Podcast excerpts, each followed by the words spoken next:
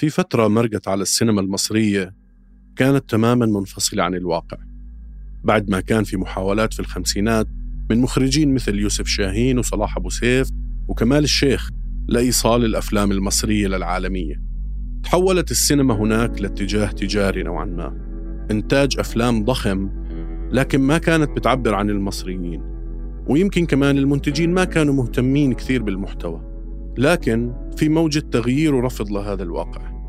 شوي شوي بلشت تظهر اتجاهات سينمائية مبهرة. مثل السينما الواقعية يلي على رأسها مخرجين لليوم نكتب عن أفلامهم ومننبهر فيها. زي محمد خان وعاطف الطيب وداود عبد السيد وطبعا خيري بشارة اللي تميز بأسلوب شاعري وقريب من الناس. خيري المتمرد والمجدد كان واضح بالاتجاه تبعه. مؤمن إنه السينما تنصنع لتعبر عن الناس ويقدروا يفهموها ويستمتعوا فيها بغض النظر عن درجة ثقافتهم. لهيك أخذ على عاتقه يحكي قصص الناس البسيطة والشعبية وكان من أول الناس اللي بينزلوا على الشارع وبيصوروا الحارات المصرية. بحب بأفلام خيري إنه إلها أكثر من عمق. مرات بتكون القصة حلوة زي ما هي وبتفكر إنه مثلا بيحكي عن مصارع بيحاول يحقق أحلامه ويوصل للنجومية. وبعدين بيخطر على بالك نقد الطبقات ونظرة المجتمع البرجوازي لحياة الناس الشعبية على إنها تسلاية. وبتلاقي مليون سؤال وجودي يشدوك لأفلامه ويخليهم علقين معنا لوقت طويل. اليوم بنستضيف المخرج خيري بشارة ولأنه شخصية قريبة من القلب ومتواضع حب يشاركنا بدردشة تعرفنا أكثر على شخصيته غير الاعتيادية. مرحبا تحياتي لكل مستمعي بودكاست حرر. أنا عمر فارس ومعي كالعادة زميلتي لميس عساف. اليوم عنا ضيف كتير مميز. وشرفنا بحضوره آه، برغم الانشغالات وبرغم المسؤوليات المختلفة. معنا اليوم المخرج القدير المصري خيري بشارة. أهلا وسهلا. أهلا بيك. سعيدين جدا باستضافتك اليوم وبحب أشكرك كمان مرة أنا وزميلتي نميس برضو على تخصيص وقت يعني لمشاركتك معنا. لا شكر على واجب لأن أنا بعشق الشباب. وبتحمس لهم جدا وما بتأخرش لو طلبوا طلبوا مني أي حاجة. فأنا جاهز دايما. شكرا كثير العفو.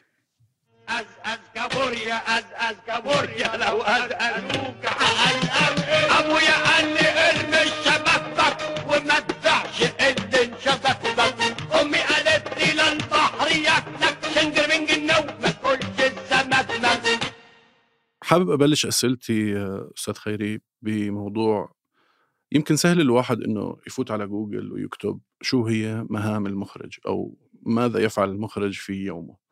بس بمختلف المقابلات مع مخرجين كثير من من حوالين العالم لما ينسألوا هذا السؤال دائما بيكون جوابهم مختلف. فبالنسبة لخير بشارة إيش مهمة المخرج؟ إيش لازم يعمل؟ أو شو مهمته في العمل السينمائي أو التلفزيوني؟ هو طبعا السؤال عشان يبقى أكثر دقة أي نوع من المهم مهام. هل هي مهمته الاحترافية ولا مهمته في أي اتجاه؟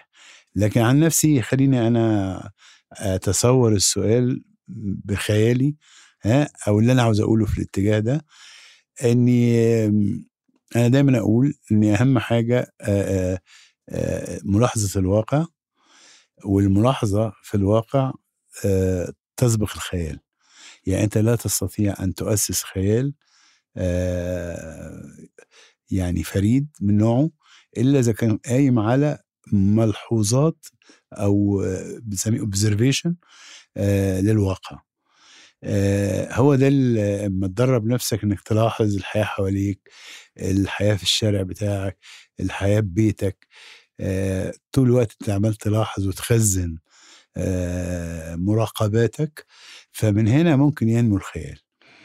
فما بيجي المخرج يتعامل مع عالم بيقدم عالم هو آه، هي طبعا ال- الأفلام مختلفة عن الحياة إن الأفلام آه، يعني نقدر نقول إن هي لها لازم يبقى لها بداية ووسط ونهاية. يعني لها شكل لها آه اختيار. إنما الحياة متدفقة بتجري زي النهر كده آه بلا حدود. واخد بالك؟ لو كل واحد آه ليه مصيره المختلف عن الآخر ممكن الناس تشترك في مصائر عامة ولكن كل واحد بيعيش حياة مختلفة. فبالتالي المخرج بيقدم عالم هو آه, آه ليه علاقة بالحياة وبالواقع ولكن هو عالم محدود بالاختيار محدود بالزمن. آه فبالتالي ال- آه في ضرورة إن يبقى في رؤية. يعني لازم يبقى في رؤية. الرؤية هي اللي بتحدد المخرج ده مخرج آه كويس ولا وحش. فتعال نروح أبعد بقى في الإجابة على سؤالك. أنا حبيت أعمل تمهيد. فأقول لك أنا بالنسبة لي آه، مهمتي كمخرج إن أنا وده من أول ما اشتغلت في المهنة كان لي هدف غريب شوية. بالنسبة لك هتفاجئ لا عاوز أبقى نجم إخراج ولا عاوز أكسب فلوس كتير ولا عاوز حاجات من دي خالص. أنا عاوز في الآخر إن أنا أخلي المجتمع يتغير. أنا ليا هدف وحيد تغيير الواقع. آه، فلذلك آه، من ضمن مهامي آه، مهمة تحريضية. يعني أنا كنت آه، رغم إن أنا مش ماركسي ممكن يكون عندي ميول يسارية ولكن لست ماركسية ولكن في حاجات بحبها في الماركسية زي ما حاجات بحبها في الليبرالية. فكنت بتبنى بتبنى سطر من شاعر سوفيتي آه، مشهور بتقول آه، أمنحك أو اعطيكي طاقتي الشعرية فاهجمي يا طبقة. طبعا. فهو ده كان آه، زي ما تقول نشيدي الداخلي وأنا بعمل. أفلامي. طبعا يعني مش بالمفهوم الماركسي ولا بالمفهوم الشيوعي. آه، أنا كان هدفي أساسا إن الواقع بتاعي يتغير للأفضل. فإحنا لاحظ الجيل اللي زي اللي هو اتولد آه، في أواخر الأربعينيات واتعلم في مصر عبد الناصر آه، يعني أنا اتخرجت سنة 67 مم. يعني في عام النكسه بالظبط. أو عام الهزيمه فاللي زيي لازم يكون آه، مسيس ولو تلاحظ إن بعد النكسة طلع كتاب مهم جدا يعتبر من أكثر الكتب يقال سمعت من إبراهيم المعلم صاحب دار الشروق إن أكثر كتاب اتوزع في العالم العربي هو عودة الوعي لتوفيق الحكيم. وطبعا رد عليه محمد عوده بكتاب تاني اسمه الوعي المفقود. فاذا أكتر حاجة عملها 67 هو ال- الوعي. التفكير في في في نفسك وفي بلدك و ومين المسؤول. كل الأسئلة دي طرحت. فأنا مهموم وجيلي كان مهموم آه، بالنوع ده من الأسئلة وبتغيير الواقع. ده باختصار. بس طبعا مش يعني مش كل المخرجين ولا كل الأفلام ولا كمان أنا بطلب إن كل السينما في العالم تبقى في نفس السكة ما ينفعش. لأن هي السينما بتلبي احتياجات مختلفة وبتعمل توازن مختلف. آه، حضرتك كنت موجود يعني بلشت تعمل أفلام مع جيل إحنا كلياتنا تأثرنا فيه. يعني السينما المصرية بهداك الوقت كانت إلهام لساتها إلهام لإلنا كلياتنا وبنحس دايما إنها مختلفة عن الأشياء اللي بتنتج اليوم.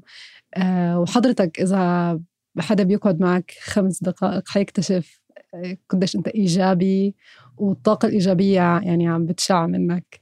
آه، ولما نشوف أفلامك بيكون فيها دايما موسيقى وأغاني. كنت بدي أسأل إنه كيف كيف بتوظف الموسيقى بالأفلام تبعتك؟ وهل هذا شيء له دخل في تغيير الواقع يعني بلكي الحياة عندك فيها soundtrack. فكيف بتحط الموسيقى بأعمالك الفنية وكيف كيف بتستخدمها؟ آه، اولا عاوز أقول إن أنا م- صوتي وحش فعشان ما حدش يتوهم يقول لي غني ففعلا أنا ما أعرفش حتى أغني آه، الأغاني أفلام ما أقدرش أغنيها آه، أنا عندي ودن حلوة وعندي إحساس حلو له علاقة بالمزيكا نتيجة إن أنا آه، كنت من وأنا صغير كان خالي الله يرحمه آه، هاجر أمريكا فساب ساب لي كمية اسطوانات آه، اللي عليها الكلب ده فاكر؟ آه اسطوانات موسيقى كلاسيكية لكل الموسيقيين. فكنت بقعد أسمعها لغاية ما أنام وساعات أسيبها لغاية ما تقف لوحدها مم. فأنا يعني تشبعت آه، اولا بالموسيقى الكلاسيكية وبعدين طبعا آه، آه، يعني في طبعا عندي مغنيين مفضلين أنا حو... أنا عارف أنا على فكرة ما بجاوبش عيبي ابني دايما يقول لي إيه، أنت بتتسأل سؤال أنت ما بتجاوبش عليه أنت ب... أنت ب... بتقول لي عاوز إحنا راح نحاول نحاصرك شوي آه. فهو بصراحة آه في مغنيين أنا بالنسبة لي آه كنت بحبهم عشان هم بيدوني طاقة حيوية للحياة اليومية مم. وفي آه مش عاوز طبعا أقول حاجات يعني الناس تصدم مني ولكن مثلا كنت أحب ليلى مراد مم. وأحب آه شادية وأحب آه وساعات بقى مثلا أغنية وحيدة لفايزة أحمد آه حبيتك وبداري عليك مم. مش عارف بموت فيها آه وأم كلثوم ما بحبش غير أغنية واحدة رق الحبيب. ففي حاجة ده واحدة بس. واحدة بس.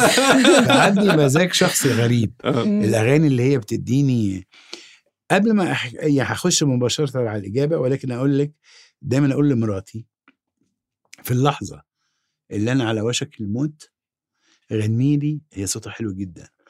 بيلا تشاو. أول ما هتغني لي بيلا تشاو هقوم مش هموت فدي حاجة غريبة إن عندي القناعة دي إن هي قلت لها أنا بقول لك صدقيني لو غنيتها لي وأنا هموت هصحى.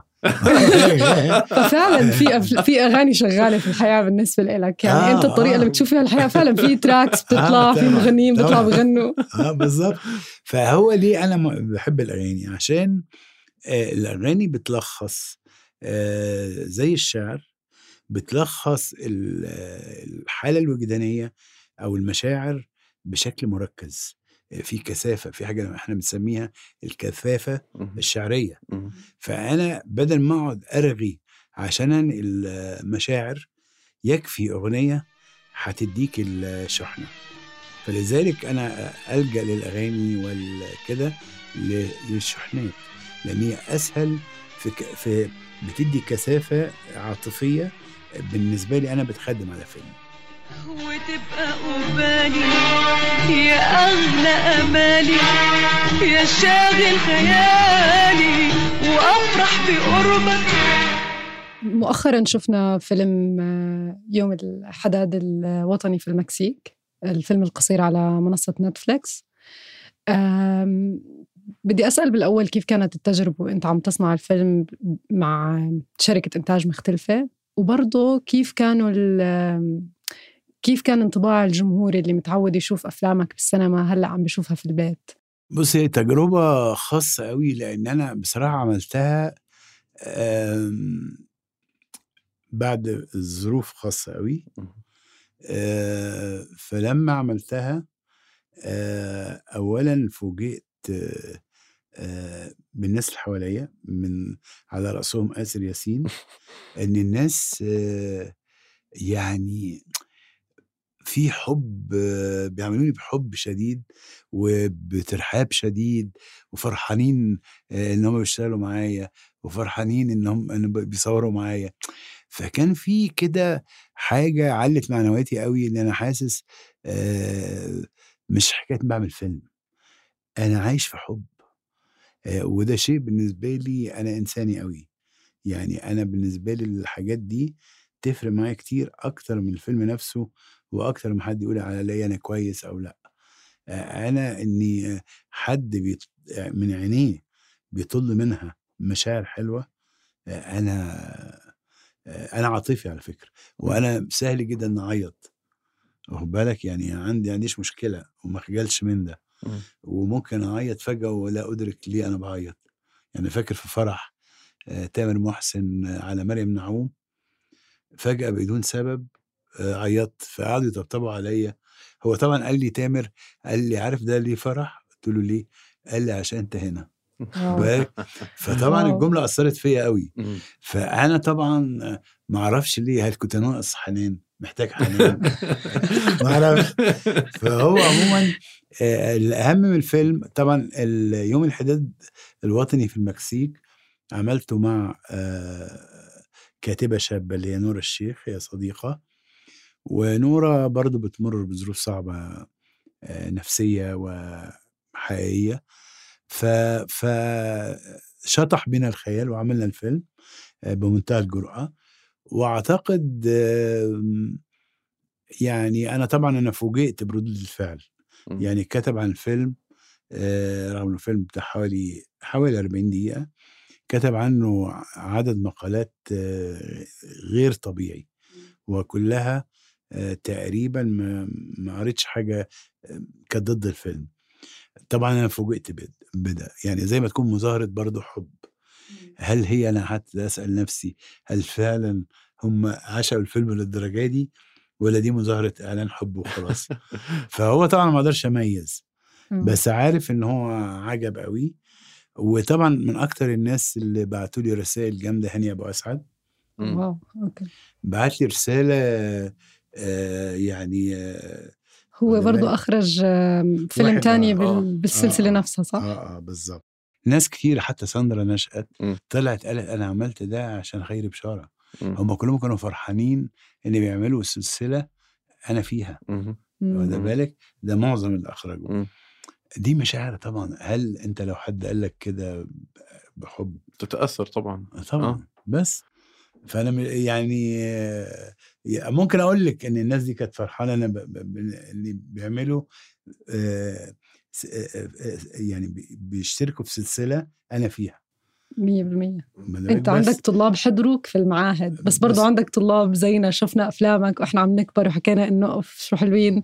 أكيد الناس اللي عم بيشتغلوا على هاي الأفلام. هتخليني أعيط. لا لا. أنا حسيت برضو يمكن كان جزء من ليش كانت ردة الفعل كتير مرحبة وإيجابية. أه، أنا حاسس زي يبدو في تعطش لسينما حلوة أه، فريش في ظل يعني إنتاج يمكن عم يكبر من حيث ال- ال- البادجت ومن حيث أه، المؤثرات ومش عارف إيش بس ما فيش إشي يعني يمكن هيك مش عارف إيش الكلمة يونيك أو أو. جديد. بص هو بغض مميز. النظر طب تعالي نكمل. يعني أنا أحكي لك يعني. يلا. أنا جاهز. أنا طبعا من ضمن الحاجات اللي اللي حبيتها في التجربة دي إن الناس اللي عملوا اش- اشتركنا مع بعض فيها زي هاني أبو أسعد وزي محمود صباغ وزي ساندرا نشأت إن هم كان نقلوا لي فرحهم إن أنا في إنه بيشاركوني التجربة مم. فده كان طبعا محفز ليا جدا وفيما بعد بقى لما كتبت كتابات نقدية إيجابية جدا آه، أنا فسرتها مش إن أعمل فيلم حلو أو وحش أو عمل فيلم إيه قيمته أنا حسيت إن اللي أنا متأكد منه إن أنا برضو عشان أنا في حالة إن أنا مصر إن أنا أنقل للناس آه، طاقة حب ما إن أنا أساعدها إن هي في حياتها إن هي تتقدم في طريق عشق الحياة إن هي تبقى آم، تتجاوز أزماتها ومحنتها و... وإحنا في عصر طبعا عملية صعبة جدا الكورونا.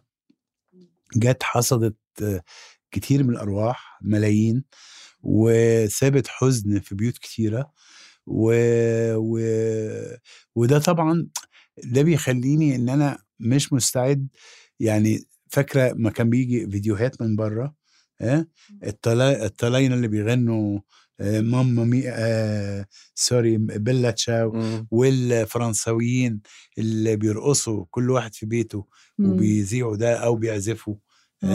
فده كله ال- الناس حاولت تتجاوز ال... فدي أنا ما تجاوزت لأن أنا تابعت ده. مم. فانا بصراحة خدت من طاقة آه، الفرنساويين والألمان اللي هم حاولوا في في زمن الكورونا ان هم يتجاوزوا هذه المحنة وهذه الأزمة. العزلة. بالظبط ال- ال- العزلة فعلا. مم. مم. بالأردن برضه غنوا على البرندات. آه. بس يمكن ما كانوا آه، بيغنوا بلا تشاو ما تشهروش هالقد la gente che passerà. Oh bella ciao, bella ciao, bella ciao, ciao, ciao, e la gente che passerà dirà oh che bel fiore. أستاذ خيري حضرتك دائما متواجد على الساحة يعني بمختلف أشكال الإنتاج وإذا بدنا نشيل آه، آخر فيلم قصير صار لك كثير سنين غايب عن السينما يا ترى إيش السبب؟ لا أنا بص يعني أنا طبعا ما أقدرش أعمل فيلم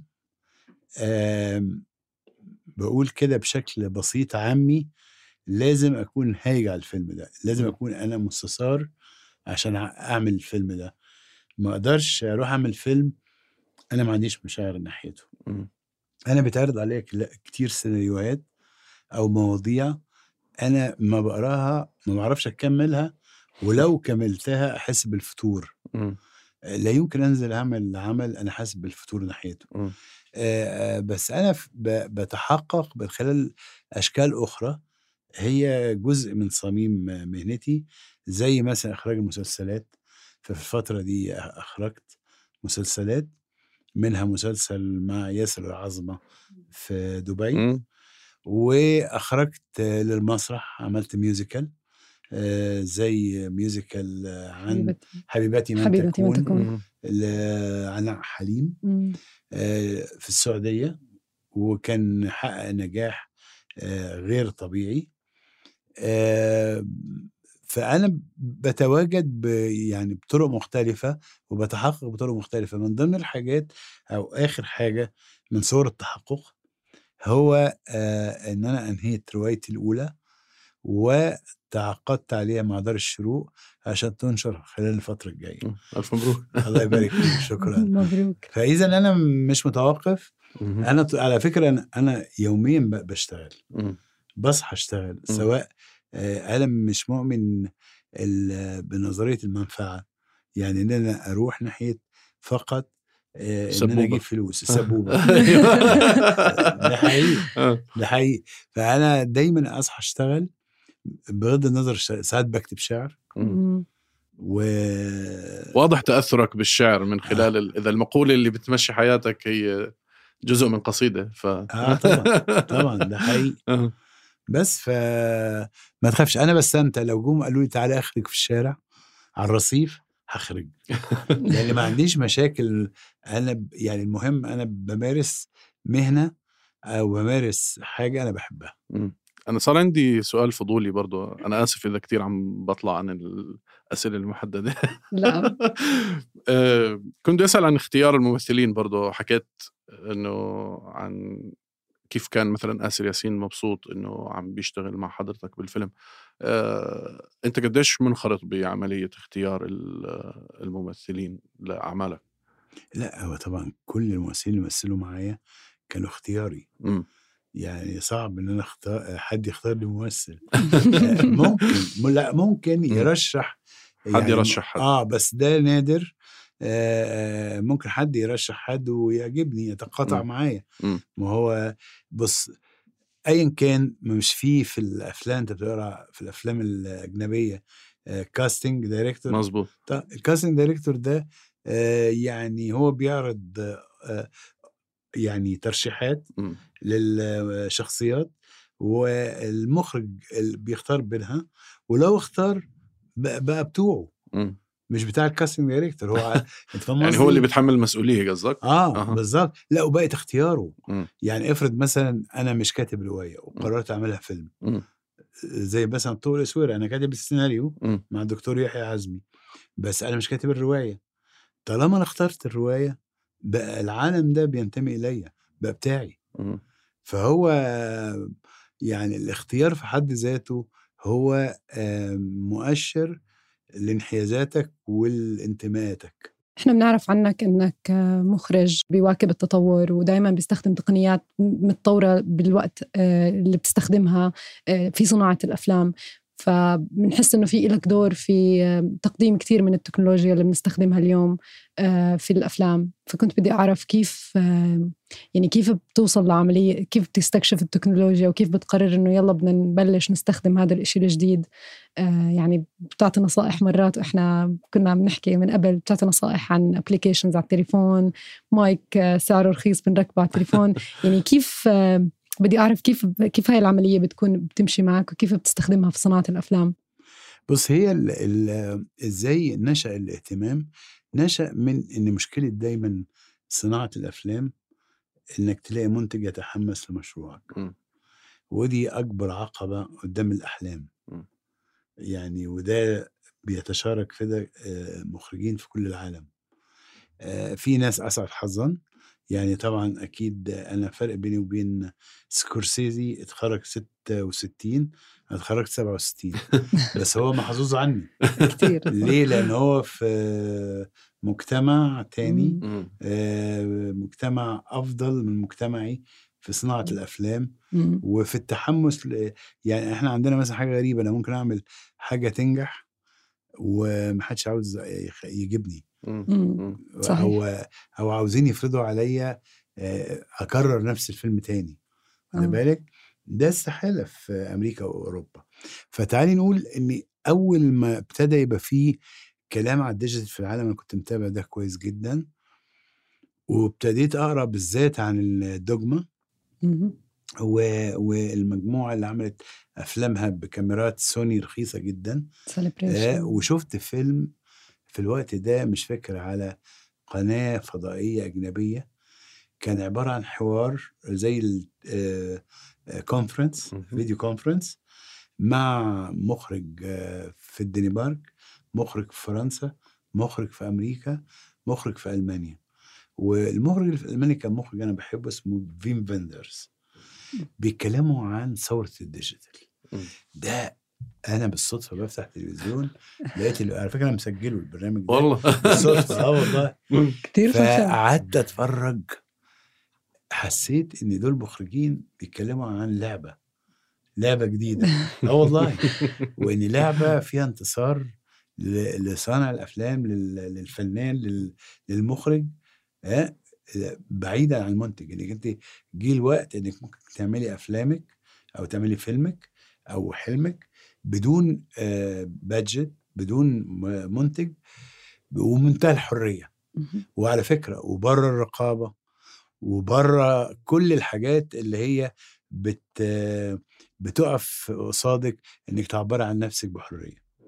فطبعا طبيعي لأن أنا طول عمري يعني إنسان حر نفسي كنت أبقى طائر يحلق في السماء اللي بكلمك جد.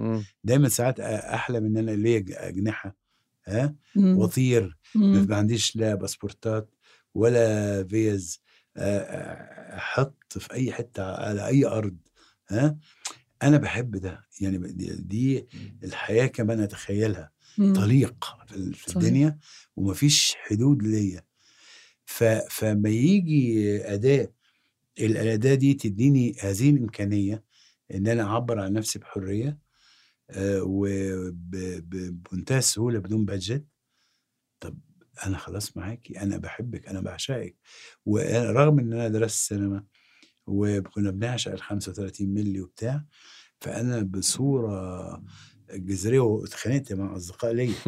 يعني اعتبروني مجنون في الوقت ده آه، بتكلم عن حاجة اسمها ال digital. لكن أنا فعلا قطعت علاقتي بالسينما ورحت أمريكا في سنة 2000 مم. واشتريت معدات وابتديت أعمل فيلمي الأول ال digital اللي هو فيلم تجريبي موجود على فيميو آه اسمه مون دوج.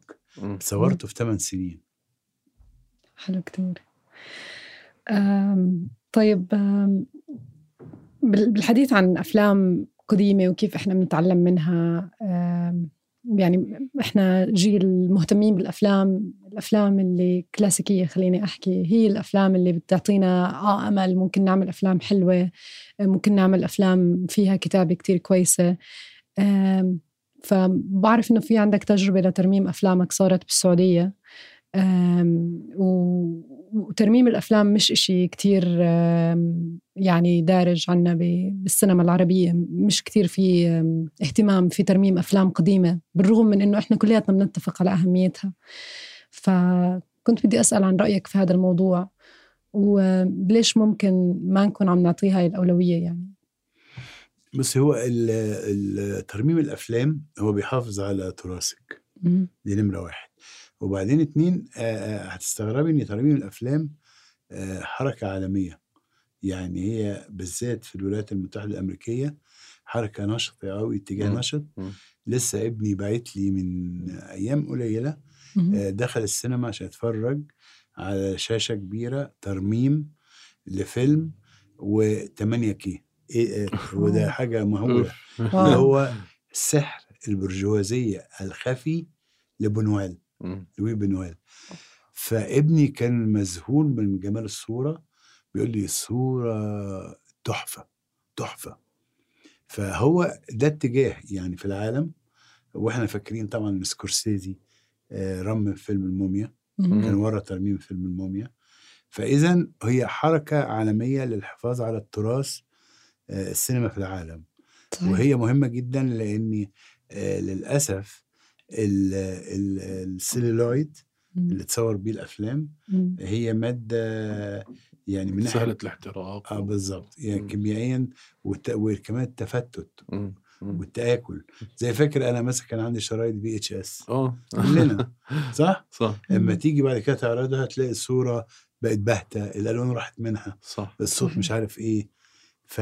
فطبيعي ترميم لميس شيء مهم جدا للحفاظ على التراث. بتتخيل إنه إحنا عم نروح لأنه نرمم المزيد من الأفلام ولا يعني بتشوف إنه في حدا عم بيعطيه. أولوية؟ لو إحنا بنحترم تاريخنا وعاوزين يبقى عندنا بنحتف... عندنا الذاكرة بتاعتنا. نحافظ على الذاكرة بتاعتنا لازم ن- نرمم لازم إحنا أساسا ما عندناش في عالمنا العربي سينماتيك ما عندناش مكتبة للأفلام زي العالم المتقدم فدي صحيح. برضو حاجة محزنة حقيقي.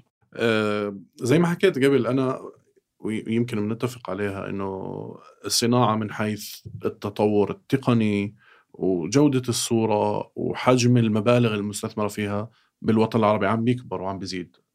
بس ملاحظتي الشخصية إنه الكتابة والأفكار الإبداعية بالاتجاه المعاكس رايح. آه، مش بنفس التطور مش بنفس التجديد. هل برأيك هذا الحكي مزبوط؟ تتفق معه؟ وإيش السبب؟ ده بتتكلم عن العالم العربي ولا العالم؟ أنا بتح- بتحدث عن المنطقة العربية تحديدا. المنطقة العربية. آه بص هي المشكلة كلها إن أنا بقول دايما إن في حاجات مفروض تتقال يعني في, الواقع. يعني أنت عندك كل زاوية شارع كل ركن في شارع آه، ممكن يبقى فيه قصة.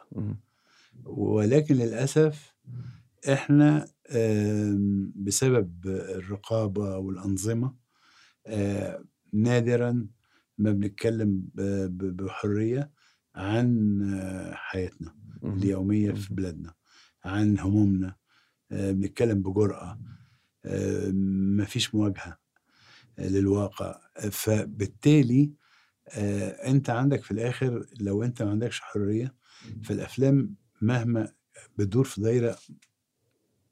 مفرغة يعني مفيش آه. يعني أنت بتدور كأنك بتلف حوالين نفسك آه لستة مواضيع مسموح آه. تحكي فيها آه وخلص. فبتعيدها بتقعد. تكررها وكده بس هو برضو رغم ذلك في طبعا آه، ما أقدرش أقول إن الصورة مظلمة.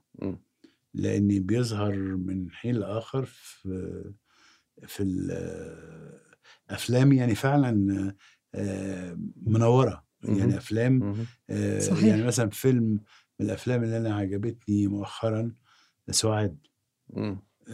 لأن هو فيلم بيعتمد على ناس آه، مش محترفين مش ممثلين محترفين وفيلم آه، عفوي جدا وتلقائي جدا ففي يعني ده بالنسبة لي جرأة.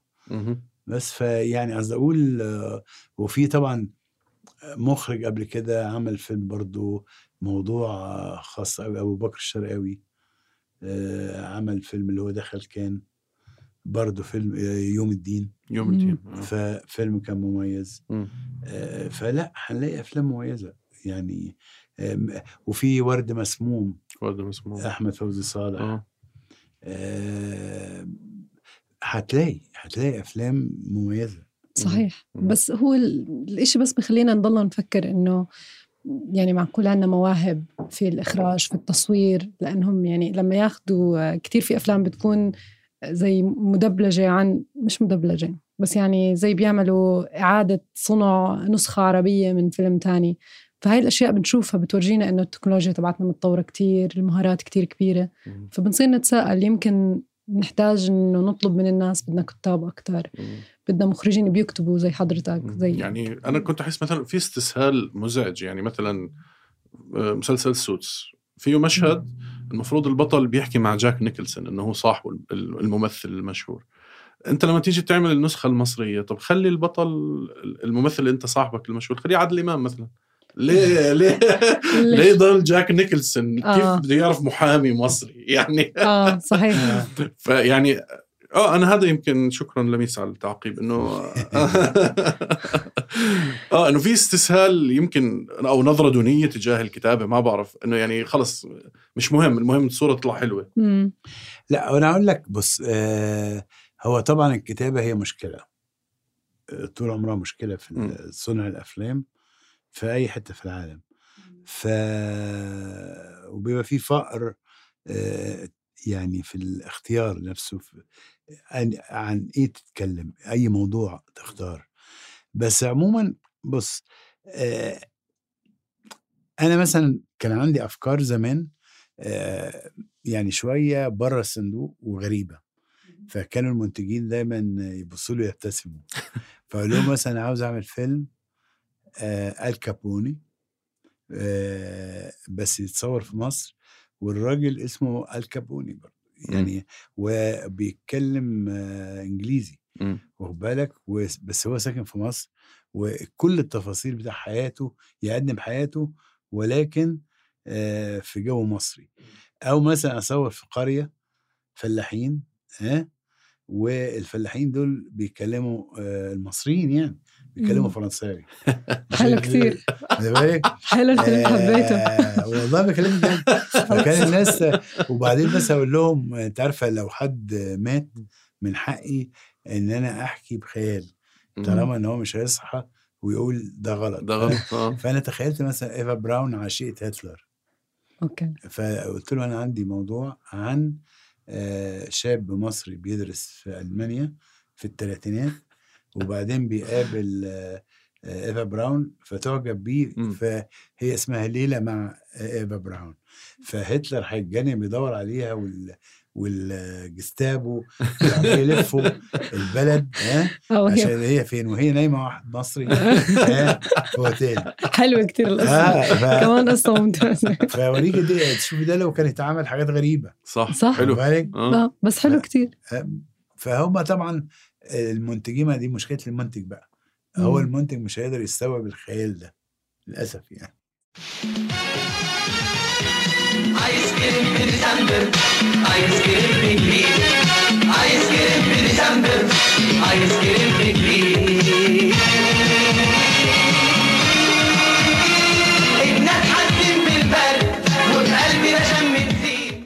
بالبرد بتشوف أفلام أردنية؟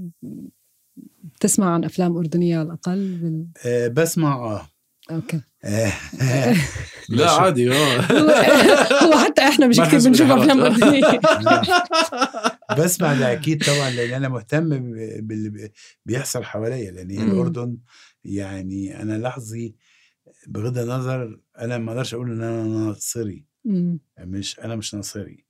ولكن أنا أقدر أقول إن أنا عروبي. أمم، بمعنى إن أنا طبعا مهتم بالعالم العربي اللي أنا بعيش فيه. صحيح. لأن هي ثقافتي أمم، واخد بالك؟ وهي الهوى اللي بتنسمه. فما عنديش إحساس حتى آه، عمري ما جالي إحساس إني آه، اني شعب أحسن من التاني. آه. وحتى ما كان في زمان في مصر يبقى فيهم نظرة مش حلوة ناحية شعب. مش. هقول اسمه أنا ما كانش عندي ده شعوري أنا أنا مش عنصري ضد أي حد. يعني ما فيش حد أحسن من حد. وهي كلها إمكانيات يعني أنا ما بشوف الأفلام آه، مثلا الحرب ما خلصت الحرب العالمية الثانية. وتشوفي في بولندا أو ألمانيا أو بتاع التروماي بتلاقي كأنك في شبرا. الناس بتجري وبتتشعلق آه. و... و...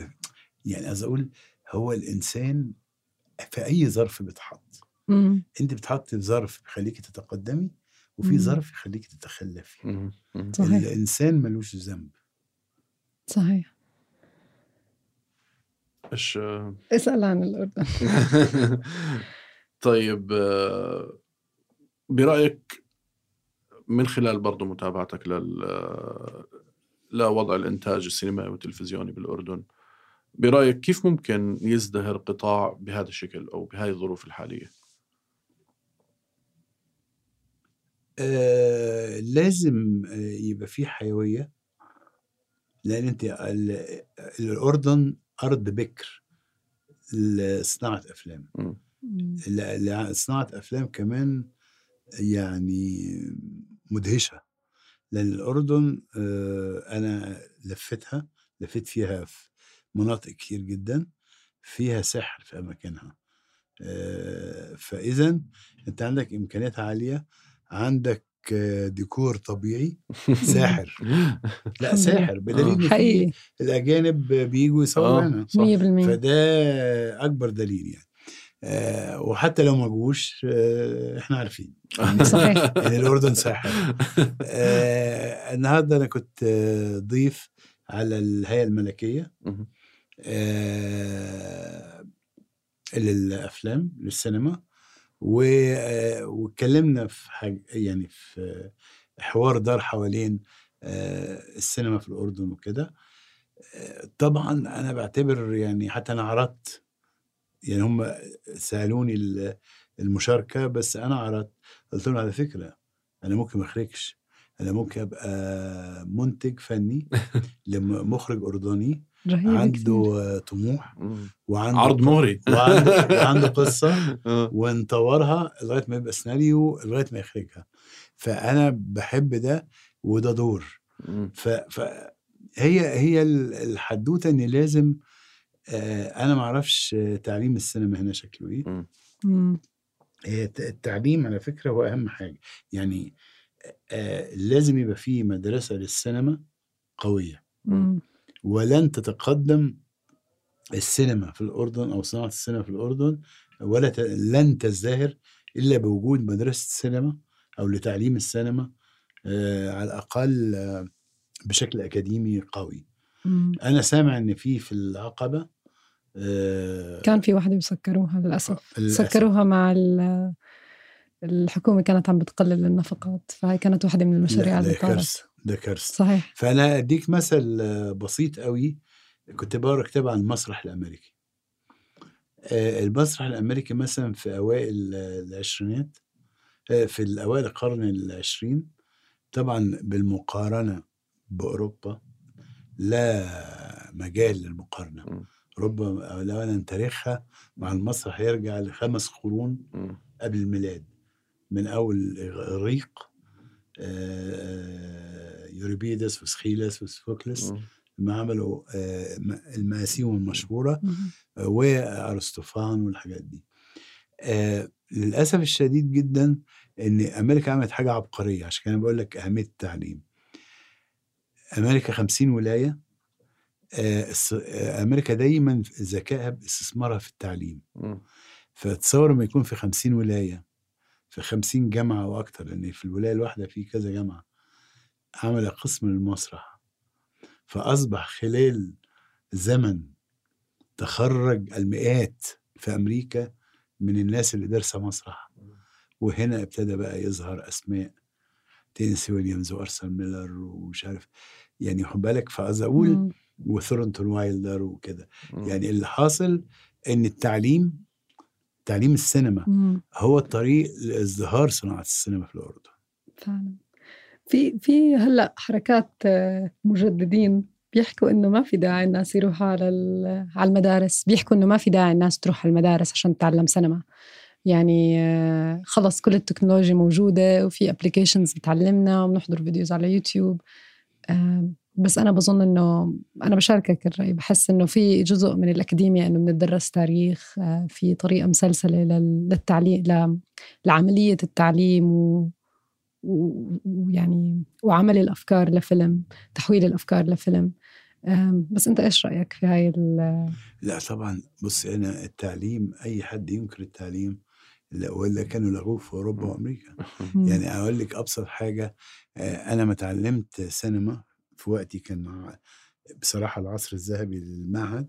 صحيح. آه، ما تعلمناش فقط آه، حرفية سينما ولا نظريات سينما وأساليب وكده. يعني تعلمنا حاجات تانية كمان علم نفس.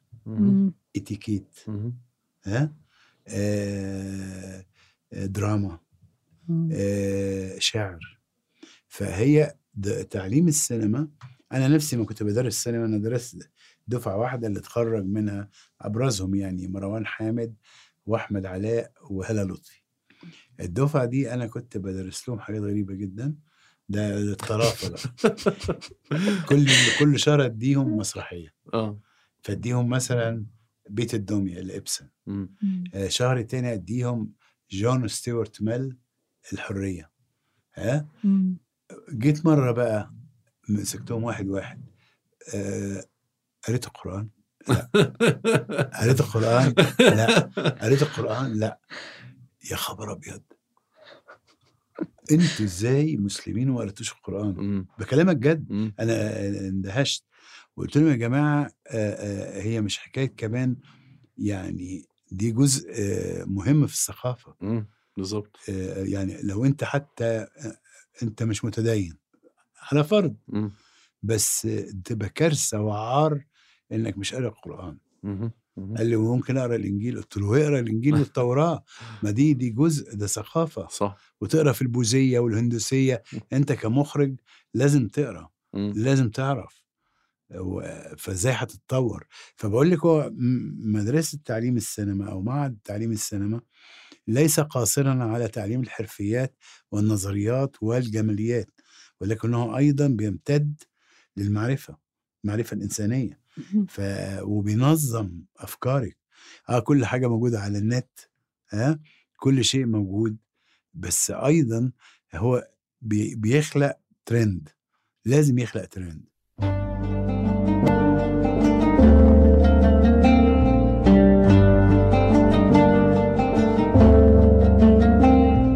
طيب بحب نحكي شوي صغيرة عشان يعني إحنا حابين نعرف أكثر عن الرواية اللي عم تكتبها. بنعرف إنه عندك تجارب كتير كتير عظيمة في الكتابة للأفلام ومعالجات درامية. بس احكي لنا عن روايتك الجديدة شوي صغيرة بعد إذنك. أنا الحقيقة عاوز أقول لك إن أنا ضعيف قدام عيون لميس. الله على الغزل. تسلم. آه، روايتي هي عن واحد صيني. هو بالمناسبة آه، لما زمان في التسعينات آه، الصيني ده هو أبو واحد صاحبي. أبو واحد صاحبي هو حاليا بيمتلك مطاعم بكين في مصر؟ هاني هانيان أنت عارفة هانيان؟ لا أنت حكيت لنا عنه. آه. بس ما كنتش بعرف إنه في الرواية. آه. ف آه، اللي حاصل إني لما هاني حك... حكى لي إن أبوه آه، في رأس السنة. نزل البيت وما رجعش. ثلاث أيام. آه، ألزهايمر. طبعا تجربة طبعا مؤلمة جدا. مم. فأنا تاثرت أنا سريع التأثر. وفضل ال ال ال خروج الأب ومتاهته عالق في الذاكرة عندي بشكل قوي وبيرجع يروح ويرجع. وفي وقت قلت له هاني عاوزك تحكي لي بقى. أنا عاوز أعمل فيلم ها؟ آه، هسمع قصتك قصة أبوك بس هعمل فيلمي. مم. يعني هعمل قصتي أنا. آه. يعني هنسك حكايتي أنا. ففعلا آه، حكالي هاني وفعلا ابتديت بقى آه، أقرأ كتير عن الصين وأحاول أفهم المنتاليتي العقلية. أحاول أخش جوه رأس واحد صيني. فابتديت أقرأ كتير بشكل غير مش طبيعي. وأجيب أفلام وأتفرج عليها وأسمع مزيكا. أخش في الحالة الصينية. لغاية ما حسيت إن أنا فعلا جبت ال mentality ها لأن مثلا الصيني ما يقدرش ما يعرفش يقول I love you أنا. بحبك ممكن يبقى يقولها بعدين بقى دلوقتي في العصر الحديث قوي. بس في الأزمنة القديمة ما فيش العواطف المجانية دي ما يعرفوش. يقولوها وبرضه عندهم حاجات زي العرب كده آه، إن الذكر هو أهم حاجة ولذلك. كانوا بيخ... بيعملوا مشهورة قوي الحذاء اللي هو بيوقف نمو رجل البنت. لو. زاد يبقى مش تتجوز. آه، طبعا أنا دخلت جوه جوه الحاجات دي كلها العالم ده وابتديت اكتب فهي روايتي عن صيني أمي بيجي مصر بالصدفة سنة آه، 37 آه، 37 لأن ده هو كان بيشتغل في شنغهاي آه، بيجر رشكا وحصل الهجوم الياباني فيما يسمى في أوغست آه، السبت الدموي. لما هجمت الطيارات اليابانية على شنغهاي ودكتها بالقنابل. طبعا ابتديت أنا كان أغوص في التاريخ لأن هو التاريخ إيه؟ تاريخ الصين وتاريخ مصر وهتستغربي وده الجهد اللي عملته الجبار وتاريخ العالم. مم. أنا عندي موسوعات كده أنا عاملها مش آه، عبارة عن لأن طبعا أي موسوعة ما فيهاش كل حاجة فأنا حاطط فيها بالتسلسل التاريخي العالم إزاي آه، لأن كنت عاوز أفهم ليه بريطانيا اللي هي جزيرة أو مدينة آه، بلد صغيرة. آه، آه، سادت العالم مم. وبعدين مش كده بس آه، في حربين بيسموهم حرب الأفيون الأولى والثانيه مم. هزمت الصين. وعاشت الصين من ال- لأن هي فرضت عليها خدت آه، آه، هونج كونج وعملت مستوطنة داخل شنغهاي ومينا تاني ها وهي بره الأحكام القانون الصيني هي طليقة وحرة طب إزاي آه، إنجلترا وصلت لده. فطبعا لما تقري التاريخ آه، سبب وحيد. مم. هي أول بلد عرفت الانقلاب الصناعي ثورة البخار والميكنة طبعا بعد كده تبعتها الدول التانية الأوروبية.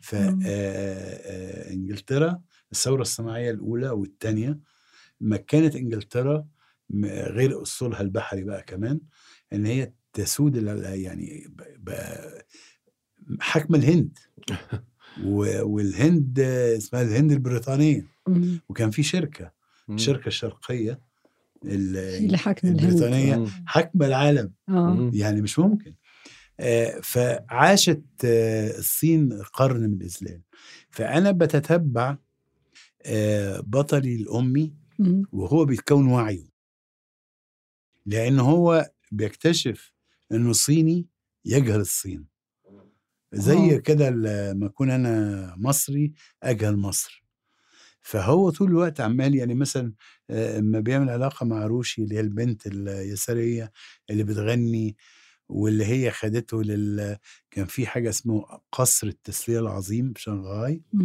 ده اتوصف اتوصف في وصفه مخرج سويدي في أمريكا في هوليوود ده فيه عالم مذهل في هذا قصر تسلية العالم العظيم في أدوار كل دور في حاجة. هو عبارة عن في العاهرات وفي آه، آه، آه، قرود وفي مرايا سحرية وفي قمار وفي أفيون. في كل ما لا تتخيله ها في مكان واحد. فهي هي هو كان آه، في مدينة صغيرة بيروح يبيع محصول لأنه فلاح. فهو تعرف آه، في بنت هو تعرف عليها في شنجداو. آه، لما كان عنده 17 سنة وبيبيع المحصول بتاع الأرض البنت دي فضت بكارته وأنا عاملها شوية من خارج من ملحمه جلجامش إنه لما عرف المرأة عرف الحياة وده حقيقي. آه بيدور عليها في شنغهاي فبيكتشف من خلال روشي دي آه لأن يعني واحدة من اللي بيشتغلوا في البغاء آه اتعرفت على صورة لونج هوا لأن هي صاحبتها قالت لها دي كانت عشيقة فلان مم. فلان ده واحد من أباطرة آه، أو مافيا في شنغهاي اللي حكموا شنغهاي. ف بتك... بتكتشف من خلال البنت اللي هي المومس آه، بي... على فكرة المومس اللي هي لونج هوا دي أنا مسميها المومس الفاضلة. زي زي سارتر.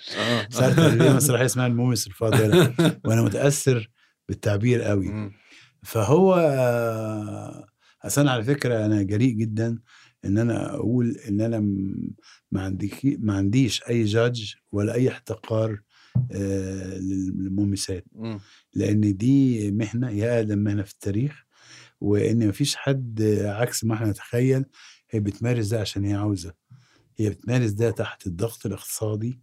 ها لأنها في احتياج ممكن تبقى مطلقة ممكن عندها طفل ممكن مليون حاجة آه وهي طبعا يعني مهنة لا إنسانية مم. أكيد يعني بس آه زي أي حاجة أنا لا أدين الشخص أنا أدين الظرف اللي هو خلاه كده اضطر مم. ده اضطروا لده.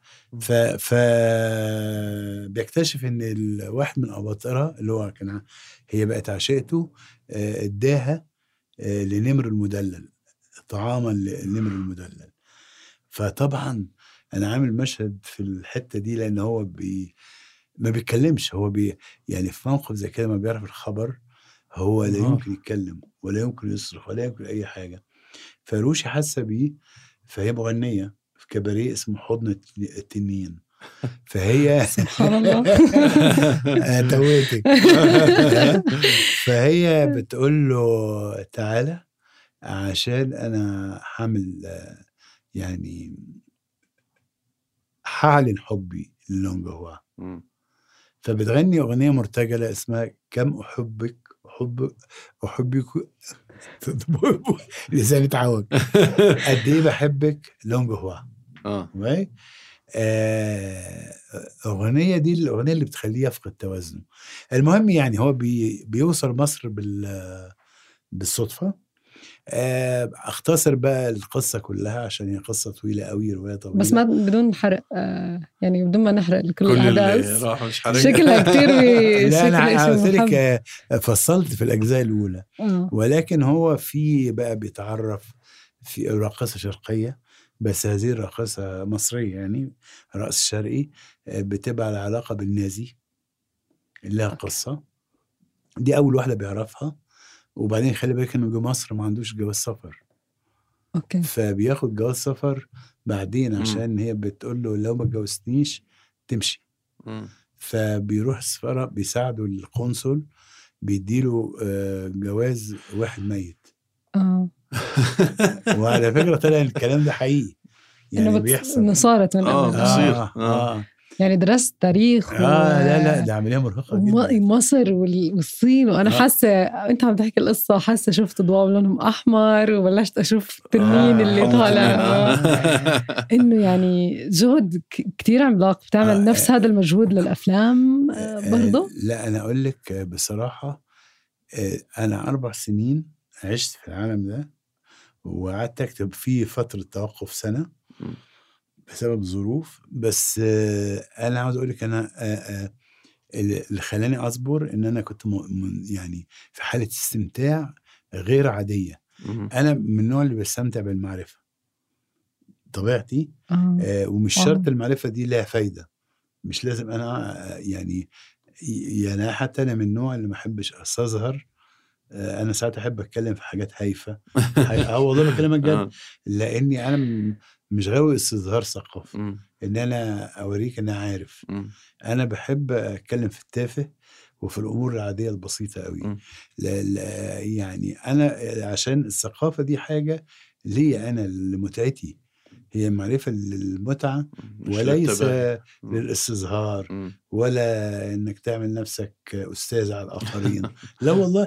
بس في ناس غاويين ده صح. صحيح فأنا. بالنسبة لي المعرفة هي شيء للمتعة وليس. للتعالي على الآخرين.